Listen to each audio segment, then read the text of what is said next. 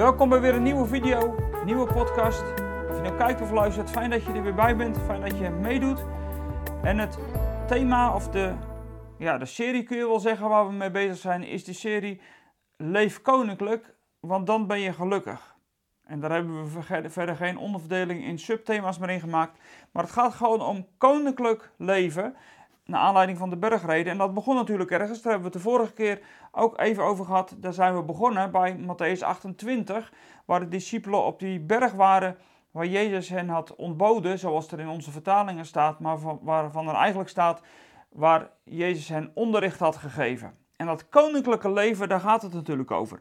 Hoe kunnen we nu discipelen maken voor Jezus? Nou, uiteindelijk zegt Jezus daarmee, dat doe je door koninklijk te leven. Nou, koninklijk leven, dat heeft Jezus uitgelegd. Want dat heeft hij in de bergreden gedaan. Vorige keer hebben we al twee van die zaligsprekingen, van die gelukkig verklaringen bekeken. En we hebben elkaar beloofd dat we deze allemaal even zullen bekijken, omdat het er alles mee te maken heeft op welke manier we nu koninklijk kunnen leven en daarmee dus ook gelukkig kunnen zijn. Dat wil overigens niet zeggen dat dat betekent dat je nu altijd volmaakt gelukkig zult zijn. Misschien dat het echte geluk pas straks komt. En tegelijkertijd, als je goed naar die, naar die zaligsprekingen kijkt, dan merk je dat er soms ook al iets van het nu in zit. En dat is bij de ene misschien wat meer dan bij de ander. Nou, we hebben het de vorige keer natuurlijk gehad over dat degenen die treuren dat die zalig zijn. Nou, we gaan er deze keer een paar andere bekijken. En we kijken gewoon even hoe ver dat we deze keer komen. Maar weet dat dat geluk of eigenlijk dat, dat geluk wat je toegerekend wordt, wat je geschonken wordt, dat geluk wat je, ja, wat je ergens ontvangt, dat het ook, ook al hier kan beginnen. Ik denk sowieso, en ja, weet je, dat kun je nooit zo goed meten natuurlijk, maar weet je, dat geluk wat door het geloof en het leven vanuit dat koninkrijk ontstaat, dat geluk is er gewoon omdat het een soort innerlijke, intense, diepe vrede is met God. Daar begint dat geluk ook mee. Dat geluk zit er niet altijd mee dat je alles altijd krijgt, maar het geluk zit er hierin dat het een diepe vrede van binnen geeft. Want dat doet het koninkrijk van God. Dat koninkrijk van God, dat geeft een vrede die er nu al is. Maar dat is niet een vrede die altijd zichtbaar wordt. Wat dan zou betekenen dat er nooit meer strijd om je heen is. Wat zou betekenen dat het altijd voor de wind gaat en zo. Nee, helemaal niet. Maar het is wel een vrede en dat is een geestelijke, diepe vrede in je relatie met God. Waarvan je weet, misschien heb ik hier op aarde niet alles en zal ik dat niet krijgen. Maar straks ontvang ik het sowieso. En ondertussen ontvang je er hier op aarde ook al iets van. Nou, ik heb vorige keer ook gezegd dat die zaligsprekingen van Matthäus iets anders zijn dan die van Lucas. Lucas lijkt wat oppervlakkiger, Matthäus lijkt wat geestelijker te zijn. Nou, daarom lijkt het me goed om deze keer, want anders lees ik ook iedere keer hetzelfde gedeelte met je. Dat is natuurlijk ook, ja, is dat nou altijd handig? Nou, uh, herhaling is de kracht van reclame, zullen we maar zeggen. Maar laat ik ook deze keer, en vooral deze keer dan maar even, een stukje uit, uit, Lucas 6 lezen. Waar Jezus de zaligsprekingen, maar ook die weeën uitspreekt. En ik heb vorige keer gezegd, in Lucas staan er maar een paar van die zaligsprekingen. Er staan er acht in, uh, in Matthäus. Maar in Lucas staat er dit. En het is wel mooi om dat ernaast te houden. Dan merk je dat Lucas het ook soms breder maakt dan dat Lucas het maakt. Hij richtte zijn blik, en dat is vers 20 van Lucas 6. Hij richtte zijn blik naar zijn leerlingen en hij zei: Gelukkig jullie die arm zijn, want voor jullie is het koninkrijk van God. Gelukkig jullie die nu honger hebben, want je zult verzadigd worden. Gelukkig wie nu huilt, want je zult lachen. Gelukkig zijn jullie wanneer de mensen jullie omwille van de mensen zo'n haten en buitensluiten, beschimpen en je naam door het slijk halen. Wees verheugd als die dag komt, spring op van blijdschap, want jullie zullen rijkelijk beloond worden in de hemel. Vergeet niet dat hun voorouders de profeet op dezelfde wijze hebben behandeld. Maar wee jullie die rijk zijn, Jullie hebben je deel al gehad. Wee jullie die nu verzadigd zijn, want je zult honger lijden. Wee jullie die nu lachen, want je zult, mee, je zult treuren en huilen. En weet jullie wanneer alle mensen lovend over je spreken, want hun voorouders hebben de valse profeet op dezelfde wijze behandeld. Nou, dat is wat Lucas dus zegt. Je merkt wel het verschil tussen Matthäus en Lucas. Want als je bij, als je bij Matthäus leest, gelukkig zij die nederig van hart zijn, dan maakt eigenlijk, dan zegt, en daar hebben we natuurlijk van gezegd, dan zegt de herziene staatvertaling van arm van geest. Nou, dat arm van geest, dat zijn niet zomaar een beetje geestelijke toppetjes of zo. Maar tegenover dat, bij dat arm van geest, waar het heel geestelijk lijkt, daar heeft Lucas gewoon van gemaakt. Gelukkig zijn jullie die arm zijn. En dan gaat het ook over letterlijke armoede. En ik denk dat het er ook wel heel vaak mee te maken heeft.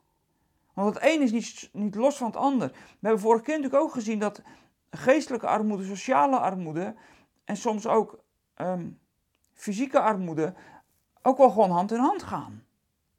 En datzelfde zie je natuurlijk ook hier bij Lucas als het gaat over hongeren. Gelukkig zijn degenen die honger hebben. Dat zegt Lucas dan. Lucas betrekt het gewoon op honger. Dat lijkt wel gewoon op eten en drinken te zitten. Terwijl als je dat gaat bekijken bij Matthäus, heeft hij het over honger en dorsten naar gerechtigheid. Je merkt dus wel het verschil. En daarom is het goed om ze allebei naast elkaar te houden en er af en toe ook gewoon even naar te kijken. En dan is de eerste die we nu dan tegenkomen, dat, dat is dat ene zinnetje wat Jezus dan zegt, gelukkig zijn de zachtmoedigen, want zij zullen de aarde beërven. Of bezitten. Of ontvangen. Hoe dan ook, de aarde. En weet je, misschien moet je die zaligsprekingen soms ook even vanuit het gevolg bekijken. En want dan zou je namelijk de vraag kunnen stellen: hoe ziet nou straks de aarde eruit? Wat lopen er nou straks voor mensen op de aarde? Nu, in onze tijd, wordt heel vaak gedacht dat de machtigen recht hebben op de aarde, of in ieder geval het recht opeisen. Als je kijkt wat Jezus zegt, dan, het is natuurlijk het iedere keer het omgekeerde van wat we op deze wereld vinden. Deze wereld gaat om machtpolitiek, gaat om eer, gaat om glorie, gaat om bezit. Terwijl in het koninkrijk van Jezus alles omgekeerd ligt. En als je er zo naar kijkt, wie loopt nou straks op die nieuwe aarde rond? Hoe ziet die nieuwe aarde nou straks uit? Als je nou een beetje wil verlangen naar strakjes, dan moet je er zo eens naar kijken. Want Jezus zegt hier, zij zullen de aarde bezitten. Wie zullen de aarde bezitten? Nou, degene die zachtmoedig zijn. Dus wat loopt er straks nog op aarde rond? Als Jezus straks is teruggekomen en dan is er een nieuwe hemel en een nieuwe aarde. Wie lopen er nou straks nog op aarde rond? Wat zijn dat nou voor mensen? Nou, Jezus zegt, zijn de zachtmoedigen. Want die zullen de aarde bezitten, ontvangen, beërven. En zachtmoedigheid, ja, waar komt dat nou vandaan? Ja, dat komt natuurlijk rechtstreeks uit het hart van Jezus vandaan. Want die koning met een hoofdletter, die is zachtmoedig. Dat hebben de profeten natuurlijk al gezegd. Weet je, het, het staat ook wel allemaal een beetje in contrast met datgene wat Israël hoopte. Israël hoopte op een koning op de troon van David. Maar wat moest hij dan doen? Nou, met geweld de vijand het land uitzetten. En wat doet de koning met een hoofdletter als hij uiteindelijk op die troon zit? Dan heerst hij met zachtmoedigheid.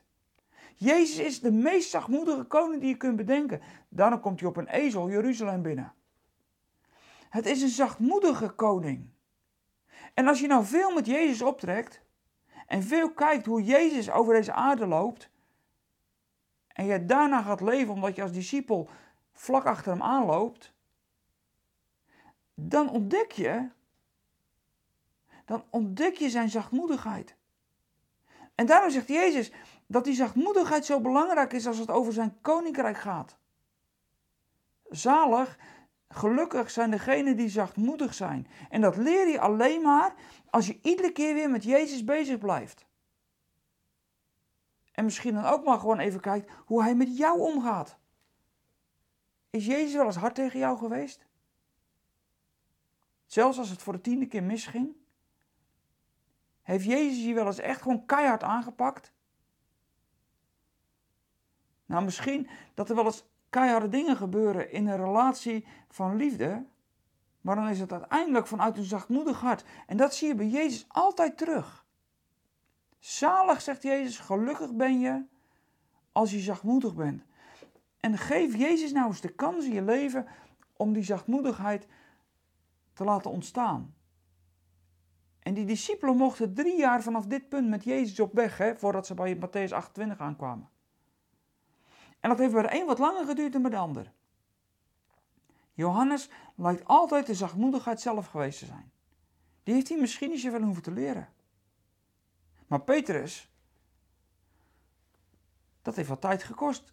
Ik weet ook niet hoe vaak dat Petrus tegen zichzelf gezegd heeft, was ik weer dat haantje de voorste.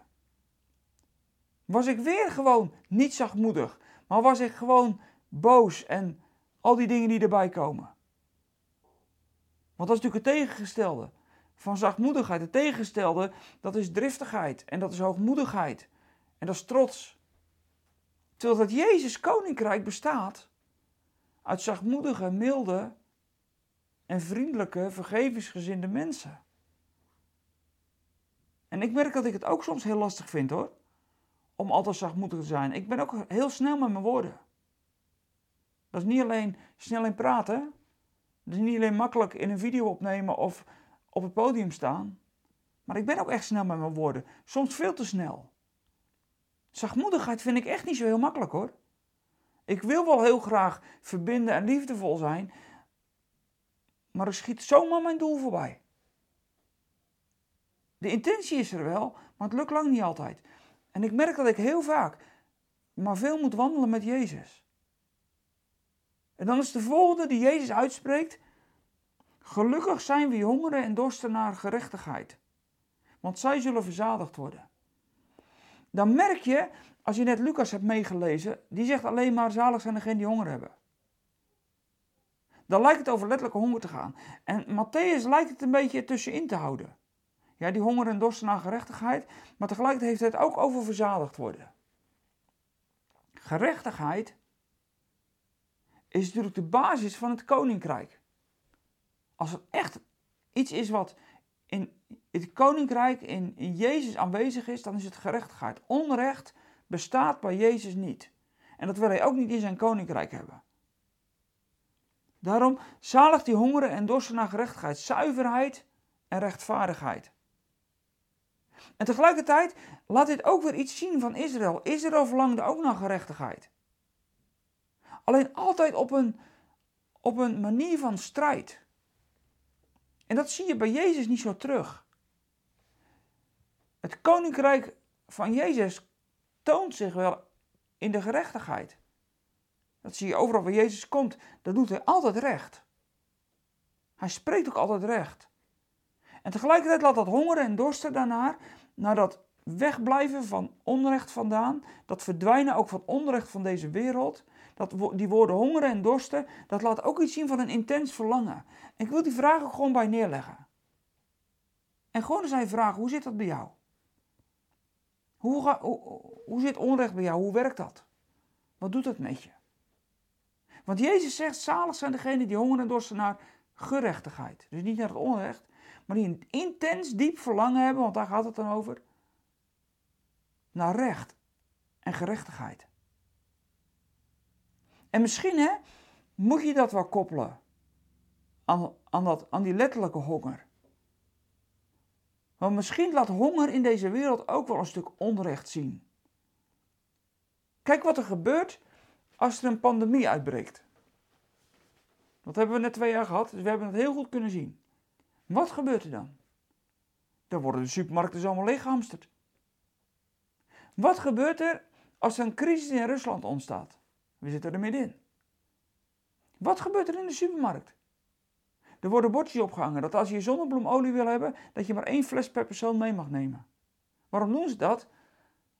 Omdat de mens er kennelijk op gericht is alles maar naar zich toe te halen. Dat is onrecht. Want daarmee doe je de ander geen recht.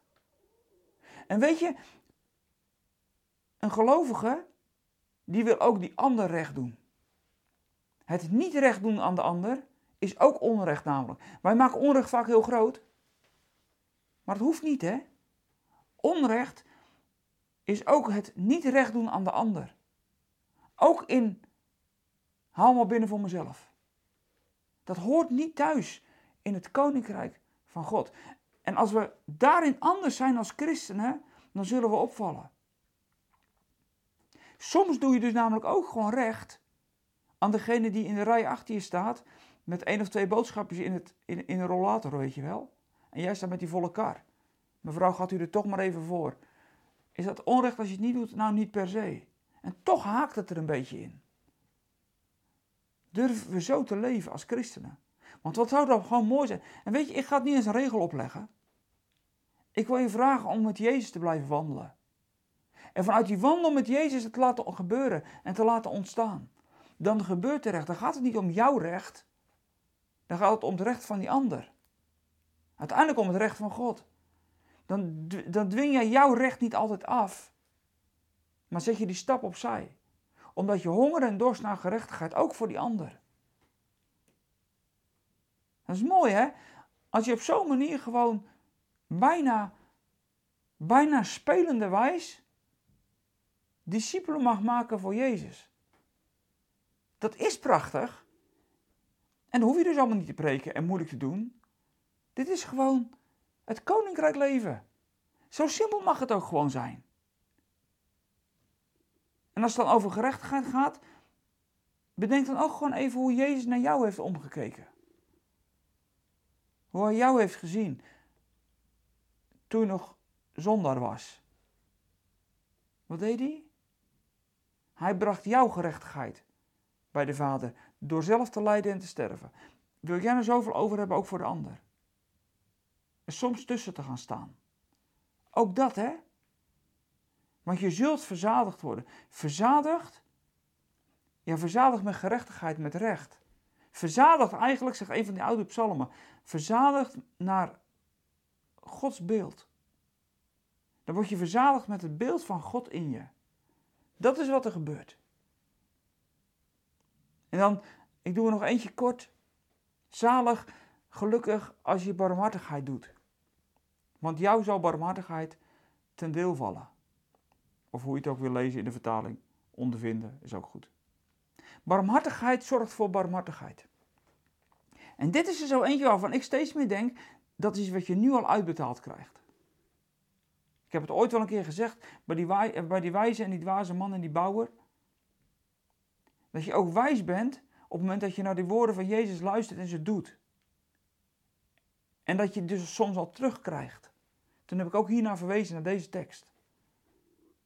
Dan krijg je het al terug. Weet je wat het mooie is? Als jij barmhartigheid doet, dan zal je ook barmhartigheid ondervinden. Op het moment dat je iemand anders in de storm van zijn leven eruit haalt, op het moment dat de storm over jouw leven heen razen, dan is die ander er ook voor jou. En ongetwijfeld zal het in deze gebroken wereld niet altijd zo zijn. Maar ik zie het soms in de gemeente wel. En ik werk in een gemeente waar als er hele heftige dingen aan de hand zijn, dat mensen heel snel veel kaartjes sturen.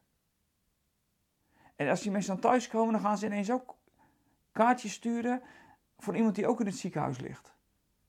En echt, ik heb artsen gesproken in ziekenhuizen die dan zeiden, die, die kerk waar ze deel van uitmaken, moet kijken wat er gebeurt joh.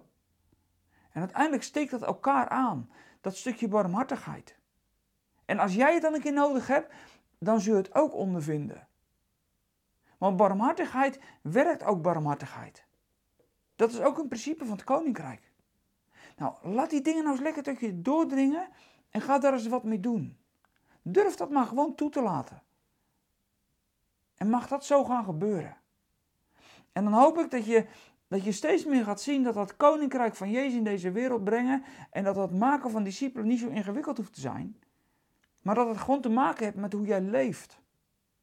En daarom begon Jezus met zijn discipelen toen hij ze gewoon van straat geplukt heeft. Daarom begon Jezus met zijn discipelen met dit. Die grondwet van het koninkrijk. Die basis. Daar ging het hem om.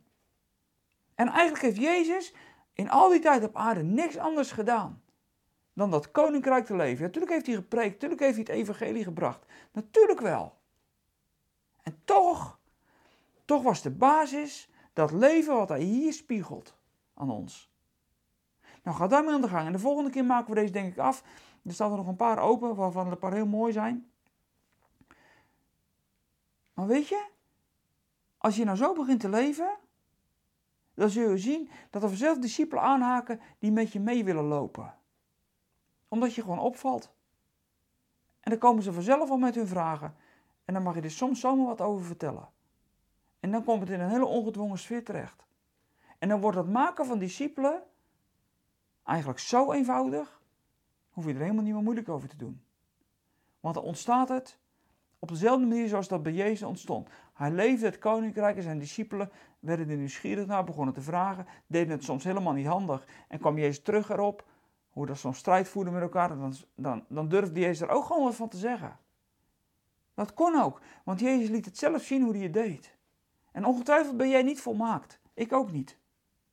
En toch, deze principes, ze zijn zo heilzaam, ze zijn zo, dat geeft vrede van binnen. Dat laat je nu al iets van, van zaligheid, van geluk voelen. Niet altijd om je heen, niet altijd in wat je ervaart op aarde, maar wel tussen jou en God en tussen jou en mensen. Er ontstaat iets wat koninklijk is. En daarom leef koninklijk. Dan ben je gelukkig. En dat doen we de volgende keer deel 3. Leef koninklijk, dan ben jij gelukkig. Dankjewel voor het kijken en meedoen. Fijn dat je er weer bij was. Deel het ook, deze boodschap. Stuur de video's maar gewoon door. Ik weet dat sommigen dat heel actief doen. Ik weet ook dat sommigen begonnen zijn om bepaalde series van ons kanaal te gebruiken als bijbelstudiemateriaal voor de kringen. Nou, dat is ook gewoon echt, dat hadden we, daar heb ik het niet voor gemaakt. Maar het is, ontstaat wel. Nou, ook dat kan gewoon helpend zijn. Er zijn er gewoon die de video dan kijken en die dan vervolgens met elkaar over in gesprek gaan. Nou ja, ik had het zo zelf nooit kunnen bedenken, maar God was zo genadig om het op deze manier te gebruiken. En ik geniet er wel echt van als ik dat dan weer terug hoor. Maar zo zou je het ook kunnen gebruiken. Deel het in ieder geval uit en wil je ons financieel steunen. Nou, dat vinden we fijn. Dankjewel als je dat al doet. En als je op YouTube hebt gekeken, geef even een blauw duimpje. Dat is altijd handig, want dan zitten we weer makkelijker en hoger in de algoritmes van YouTube. Worden we wat meer aanbevolen. En ook, dat is met delen trouwens hetzelfde. Nou goed, ehm, dat is een, een een of andere familie waar ik niets van snap, maar het werkt blijkbaar wel zo. Dus ik, ik vraag me of je het wilt doen. Fijn van nu dat je gekeken hebt, bedankt. En ik zou zeggen voor nu, tot volgende week.